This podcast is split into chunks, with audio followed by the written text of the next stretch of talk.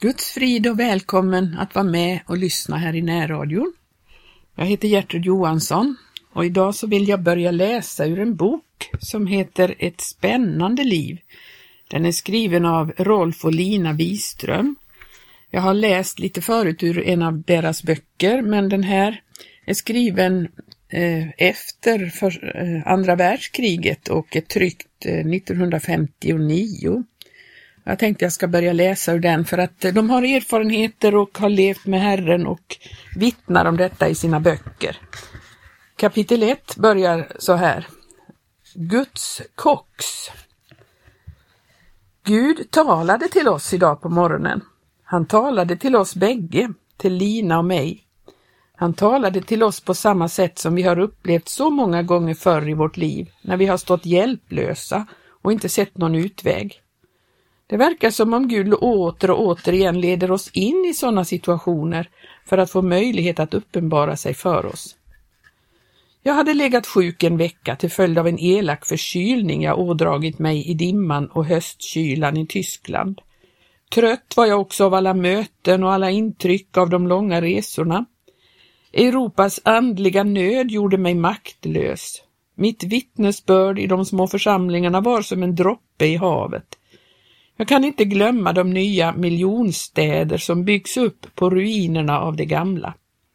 Hela världen bygger nya hus. Betong, glas, rostfritt stål och man tillverkar bomber. Jag är rädd. Det är inte Gud som bygger, det är människorna. Jag har velat göra Guds vilja allt sedan den dagen jag sa ja till Gud. För 22 år sedan lämnade vi våra liv åt Gud.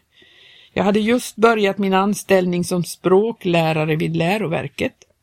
Lina var 20 år.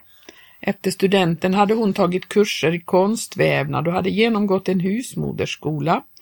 Om ett år skulle vi gifta oss. Vi hade inga ekonomiska bekymmer, inga skulder, inga egentliga problem. Vi stod på tröskeln till ett normalt lyckligt liv. Och så lämnade vi oss åt Gud. Jag skriver detta därför att det är så många som tror att folk bara lämnar sig åt Gud i förtvivlan och nöd som en sista utväg. Det som drev oss till Gud var hans gränslösa kärlek till oss i Jesus Kristus. Guds kärlek var det centrala i vår upplevelse. Det är denna kärlek vi i alla år har kämpat för att bevara. Gud visade oss från början att det enda sättet att bevara hans kärlek var att lyda honom. Denna Guds kärlek ledde oss in i uppgiften att dela med oss till andra det Gud hade gett oss. Så enkel och lättfattlig var Guds andes ledning. Ibland försökte vi behålla Guds kärlek för oss själva. Då förlorade vi den. Då försvann glädjen och friden, men Guds mäktiga kärlek drev oss ut till människorna igen. Det kostade personliga offer och lidanden, men genom denna lydnad ökade vår kärlek till varandra och till andra. Kärleken fick större perspektiv och räckvidd. Den såg nöden bland människorna. Guds kärlek utgjuten i våra hjärtan genom den helige Ande tecknade sig som ett strålande ljus mot tidens mörka bakgrund. Det var inga mänskliga påtryckningar som drev oss ut med evangelium, det var Guds kärlek. Det var inte lusten att få en anställning. Vi lämnade tvärtom en anställning för Guds kärleks skull gjorde det heliga experimentet att följa Guds ledning så länge Guds löften fungerade. Den dag det visade sig att Guds ord inte var att lita på skulle vi upphöra med att praktisera Guds kärlek. Sök först Guds rike och hans rättfärdighet så ska också allt detta andra tillfalla er. Allt detta andra, det är mat, kläder och hus. Det är det man inte kan leva förutan, det man helt naturligt först tänker på. Att sätta Guds rike före allt detta var för oss att börja ett liv som gick rakt emot våra känslor, vårt sunda förnuft och våra erfarenheter. Vi var helt enkelt tvungna att lägga bort allt detta. Känslorna, de mänskliga beräkningarna och våra gamla erfarenheter. Och löftet höll. Vi upplevde gång på gång att det var sant. Vi fick till och med ett hus av Gud. Det är det huset vi bor i nu. Vi har bott i detta löfteshus under dessa elva år. Det är här vi har upplevt under på under som bevisar att Guds ord är sant.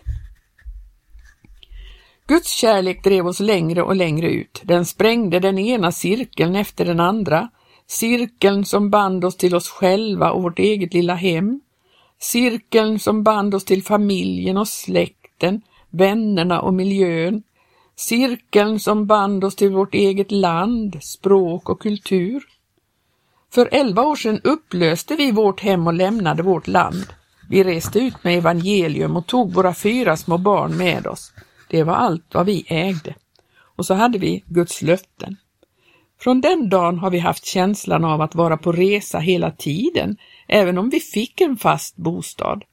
Vi har aldrig haft känslan av att äga något sedan vi lämnade allt åt Gud. Ibland har vi haft överflöd, ibland har vi varit bottenskrapade, men aldrig har vi svultit. Gripna och förvånade ser vi tillbaka på dessa år, så fulla av under och överraskningar, sorg och glädje, förkrosselse, lidande, kärlek och frid. Vi upplevde det lidande som följer med när egoismen måste vika för Guds kärlek. Med döden följer alltid sorg och lidande, så också när självlivet måste dö, när de egna planerna måste uppgivas och det egna jaget offras. Men detta lidande är ett gott lidande. Det gör inte själen hård och bitter, men mild och god. Vi upplevde att just det som kostade mest blev till största välsignelse både för oss själva och andra. Genom att säga ja till Gud fick vi förmågan att förstå människorna i deras nöd och att kunna hjälpa dem. Detta att man uppgiver sig själv och sitt eget jag gör det möjligt att man sen kan förstå och tränga sig in i andra människors problem och lösa dem. På detta sätt stadfäster Gud sin kallelse genom att människor blir förvandlade och fyllda med nytt liv och nytt hopp. Ibland har förvandlingen också visat sig i helbrägdagörelse. För en vecka sedan kom jag hem från en predikoresa i Tyskland. Jag var sjuk och måste lägga mig. Jag tyckte den kalla grå dimman över Europas miljonstäder hade trängt helt in i bröstet på mig och kvävde ljuset och glädjen. Jag var så trött, så trött av de långa resorna och de många mötena och av den mänskliga nöden, både den materiella och den andliga som aldrig tycktes ta slut. Visst har människor blivit frälsta, sjuka har blivit botade, ljumma kristna har blivit varma och förnyade. Allt detta verkar det evangelium som Gud har kallat mig att förkunna, men jag kunde inte hjälpa att en förlamande känsla av maktlöshet smög sig på mig. I ensamma vaknätter viskade det till mig ur mörkret, ditt arbete är som en droppe i havet. Den stora väckelsen du drömde om kommer aldrig. Den himmelska synen av folk och nationer vid Jesu kors blir inte verklighet. För första gången på de elva år som gått sedan jag gick ut med evangelium blev jag frestad på en punkt som jag aldrig tidigare hade tänkt att jag skulle frestas på. Sluta! Gå tillbaka! Ge upp! Det är ingen idé att fortsätta. Jag har gjort det lilla jag har kunnat, men jag tyckte det blev så lite. Jag har längtat efter den stora väckelsen. Inte så att förstå att jag drömde om att jag på något sätt skulle vara ett särskilt redskap. Jag bara längtade efter att få se den, få se skaror komma till Jesu kors så att strömmen vände sig i hela nationen. Nu hade jag legat denna vecka och läst Bibeln, läst för mig själv, inte för att predika för andra, men för att få välsignelse själv. Jag var så trött av att läsa och tala på andra språk och Gud talade till mig genom min svenska bibel. Men fienden talade också. Jag vaknade om nätterna i ångest. Jag ville inte ge efter för fruktan, men den kom ändå. Den kom inifrån. Den var redan där. Den satt i hjärtat när jag läste. När jag bad och tackade hörde jag den viska. Lina kom in och satte sig på sängen. Jag visste vad hon skulle säga innan hon började tala och ändå sjönk jag ihop när orden kom. Jag tror vi är glömda både av Gud och människor. Och när hon hade sagt det så la hon ansiktet i händerna och grät. Jag känner Lina, hon brukar inte klaga. Alltid har hon varit full av tro.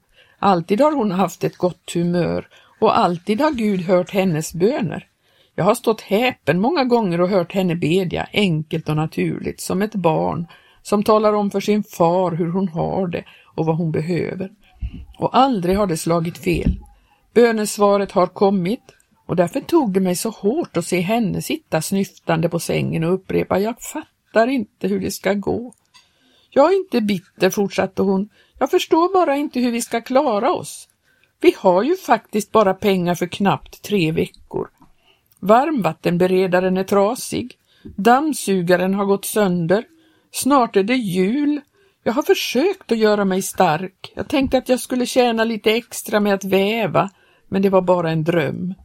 Jag har tackat Gud för den milda hösten och nu har det klarat sig med en vedbrasa ibland, men jag fattar inte hur det ska gå när det blir kallt och vi inte har kox. Varför hade vi kommit in i denna situation? Vi hade ju inte sökt den för att utmana Gud. En dag upptäckte vi bara att vi stod där utan mänskliga möjligheter att komma vidare, precis som Israels barn en gång stod vid stranden av Röda havet.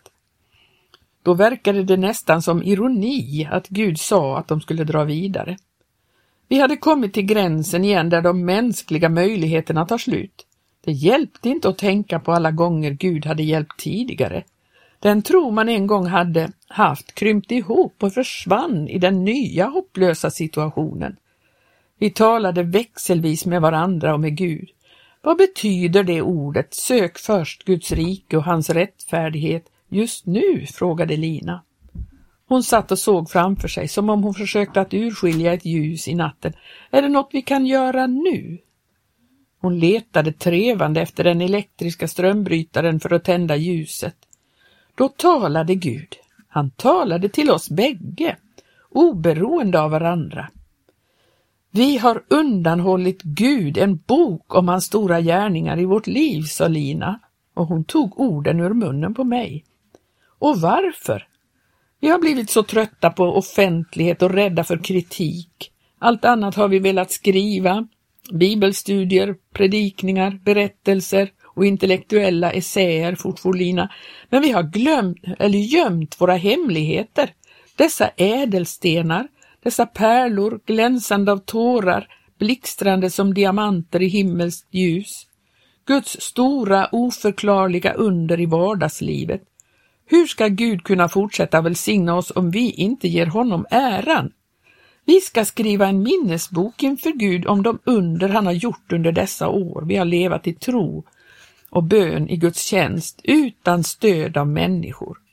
Och medan Lina talade upplevde jag att tron kom. Jag visste att det började ske något. Det var precis som om jag såg någon skynda åstad för att uträtta en befallning. Nu var det någon som fick bråttom i himmelen, så svarade jag, men jag visste inte varför jag sa det. Jag förstod inte vad det gällde. På eftermiddagen fick jag veta det. En kolbil stannade utanför porten och mannen som körde frågade efter adressen. Två karar började bära in säckar med koks. Ett av barnen ropade på mig och sa, det är en farbror som vill tala med dig, han är i källaren. Ja, men jag fattar inte det här, sa jag till mannen och som tömde en säck koks på golvet. Jag har inte beställt någon koks. Jag var säker på att det var ett misstag. Är inte det här Ursviksvägen 8 då? frågade mannen. Jo, då är det rätt, svarade mannen och log. Tänderna lyste vita i det svarta ansiktet. Det var hit vi skulle. Men var är räkningen? frågade jag. Den är redan betald. Den andra mannen tömde en säck till och min pojke räknade tomsäckarna. Nu är det nio. Och här kommer den tionde, sa den första mannen. Han tömde den med stor vana över axeln. Sedan samlade han ihop tomsäckarna och log ännu en gång till mig som stod där handfallen och såg på den stora högen med tio hektoliter koks. Jag tände en brasa och la på en skyffel koks, Guds koks. Värmen steg i elementen, den fyllde hela huset, den trängde helt in i hjärtat. Det är ofattbart, Salina. Det är som om Gud inte ville att vi skulle sysselsätta oss med det som skedde för elva år sedan, utan med det som sker idag, just idag när vi söker Guds rike först. Varför ropar du till mig, sa Gud till Mose, säg till Israels barn att de ska draga vidare. Det är väl inte så underligt att Mose ropade. Jag tror det var ett rop som pressades fram av det våldsamma tryck som ansvaret för hela folket la på honom. Röda havet låg skrämmande framför, egyptierna tryckte på bakifrån. Det är inte underligt att Mose ropade, men när Mose slutade att ropa började Gud tala. Gud sa vad Mose skulle göra och Mose gjorde det. Då han räckte ut sin hand över havet började en östanvind blåsa. Den blåste hela natten och drev undan vattnet och nästa dag gick folket mitt igenom havet på torr mark. Jag gick ner i köket sent på kvällen innan vi gick till sängs. Månen lyste så vackert in genom fönstret. Jag ville inte tända ljuset, blev bara stående och såg på den klara himlen. Tre molntappar seglade där uppe, vita av månljuset. En stor stjärna glänste mellan björkens grenar. Men det är ju klart väder, tänkte jag. Medan jag såg på de vackra molnen blev de mindre och mindre. Till slut var de helt borta. Under klara sommardagar har jag ofta sett hur moln försvinner när de sugs upp av den torra luften. Nu såg jag det för första gången en natt. Jag stod länge med knäppta händer vid fönstret. Så slutade den dagen som började med dimma och ångest, med ett strålande ljus och en stor frid i hjärtat. Andra kapitlet, det heter Sjuka botas. För en tid sedan mötte jag en man från Tyskland. Han var stor och kraftig och han tryckte min hand så hårt att det gjorde ont. Jag kände honom inte, men han kände tydligen mig. Han blev bara stående och kramade min hand medan tårarna kom i ögonen på honom. Min hustru kom hem frisk, sa han. Det är ett under. Jag rådbråkade min hjärna för att erinra mig vem han talade om, men jag fann inte tråden. Men då han fortsatte att berätta dök bilden av hans hustru upp för mig. Hon kom in i ett tältmöte i Schweiz. Det svarta håret låg slätt tillbakastruket över den gulbleka pannan. Ögonen var matta. Hon talade otydligt och oklart. En fruktansvärd migrän hade plågat henne i åratal. Hon hade inte trott att hon skulle orka gå från stationen till tältet, så sjuk var hon. Där satt hon på den hårda plankan utan ryggstöd och bad mig bedja för henne. Hon trodde att hon skulle bli frisk. När jag la händerna på hennes huvud och bad för henne fick jag helt klart för mig att Gud ville bota henne, för att det skulle bli ett vittnesbörd i hennes familj och i hennes omgivning. Nästa dag var hennes ögon klara. Man kunde se att trycket över hennes panna var borta. Gud grep in, sa hon. Jag hade blivit tokig om han inte hade gripit in. Ingen kan förstå vad det vill säga att ha migrän dag och natt i åratal. Nu är jag som en fullkomligt ny människa. Det är så underbart att jag måste nypa mig i armen för att pröva om jag inte drömmer. Sen försvann hennes ansikte bland alla de nya ansikten som under de följande månaderna för en kort stund fastnade på ögats näthinna. Om hennes make inte hade dykt upp och överbringat dess varma hälsningar från en lycklig människa som hade upplevt helbrägdagörelse i Jesu namn, så hade nog denna händelse för alltid sjunkit i glömskans hav. Det håller, sa han, pris ske Gud, det håller. Vårt liv blir helt förvandlat. Det sker så mycket sånt i all stillhet, utan sensation, utan att komma på tidningarnas löpsedlar. Gud verkar i det fördolda, därför tror många att Gud inte verkar alls. Ibland vill nog Gud också att det han gör ska döljas för den nyfikna, kritiska hopens ögon, men ofta blir Guds stora gärningar glömda därför att vi glömmer att tala om dem. Ibland är det värre än så. Vi skäms för att vittna om vad Gud har gjort. Vi är rädda för att folk inte ska tro oss, att de ska håna oss och bli arga på oss och så tiger vi. Om Guds ande befaller oss att tiga, då ska vi tiga, men manar Gud oss att tala, då ska vi tala. I de flesta fall är det nog människofruktan som gör att Guds stora gärningar inte blir kända. Det är dessa gärningar där människan står som åskådare när Gud handlar. Dessa gärningar som ingen människa kan eller vågar ta äran av. När jag nu berättar om dessa helbrägdagörelser så är det eh, med gott samvete. Jag är ingen helbrägdagörare. Jag har inte haft någon änglauppenbarelse. Jag har inte fått något övernaturligt budskap om att gå ut och bota sjuka. Jag har inte fått helbrägdagörelsens gåvor. Jag har aldrig känt några mystiska strömmar gå igenom mina armar och händer när jag har bett för sjuka, men jag har bett därför att Jesus säger att vi ska göra det. Hur det hänger ihop att en del blir friska och andra inte kan inte jag förklara. Men en sak har förvånat mig, det är att Gud så ofta botar gamla skröpliga människor. Som den gamla kvinnan som kom fram efter ett möte och ville ha förbön. Jag frågade vad det gällde. Jag har värk i hela kroppen, sa hon, och visst är jag gammal, men Gud har botat mig förr, så nog kan han bota mig nu, för Gud är Gud och han förmår allt. Barnatron lyste ur ögonen i det gamla rynkiga ansiktet. Gumman hade humor. Hon talade om Gud som en person hon hade det allra största förtroende för. Han kan nog om han vill, jag känner honom jag. Jag såg att det var vad hon tänkte och jag skrattade och sa, jag tror tant får som hon tror. Så jag bad för henne och hon tackade så vackert. Hon sa inget om att nu hade Gud gjort ett under och jag frågade heller inte ängsligt efter hur det kändes nu, om hon var lite bättre eller rent av frisk. Det var härligt det här, sa gumman och underbart var det första gången broder bad för mig också. Jag tittade förvånat på henne, jag kunde inte minnas att jag hade sett henne förr. Minns inte broder fingret? frågade hon nästan förebrående och höll fram handen och rörde på ett finger. Jag mindes ingenting, men för att inte göra henne ledsen svarade jag bara Nå, hur gick det med fingret? Ja, det rätade ut sig det när broder hade bett för mig. Det var första gången broder var här. Det är flera år sedan nu. Det var så besvärligt med det där krokiga fingret. Alltid var det i vägen när jag skulle göra mitt arbete och då tänkte jag att Gud kunde väl räta ut det åt mig. Och det gjorde han, tack och lov. Vi stod och skrattade bägge av glädje över vår store Gud som gör stora under på små bräckliga människovarelser. Men tanten var inte färdig, hon hade mer på hjärtat. I fjol blev jag riktigt rädd, fortsatte hon. Jag fick en utväxt på näsan, så jag gick till doktorn och han sa att det var kräfta, alltså cancer, och lovade att försöka få bort den. Men jag tänkte att Gud kunde väl ta bort den, så jag gick fram och bad om förbön och broder var just här då och när jag kom hem ramlade utväxten av, tack och lov. Ramlade den av? frågade jag häpen. Ja, den bara ramlade av, sa hon och nickade och tittade upp mot taket som om hon ville att Gud skulle bekräfta hennes vittnesbörd. Men vad sa läkaren? Inte behövde jag väl gå till läkaren när jag var frisk, svarade hon med självklar ton.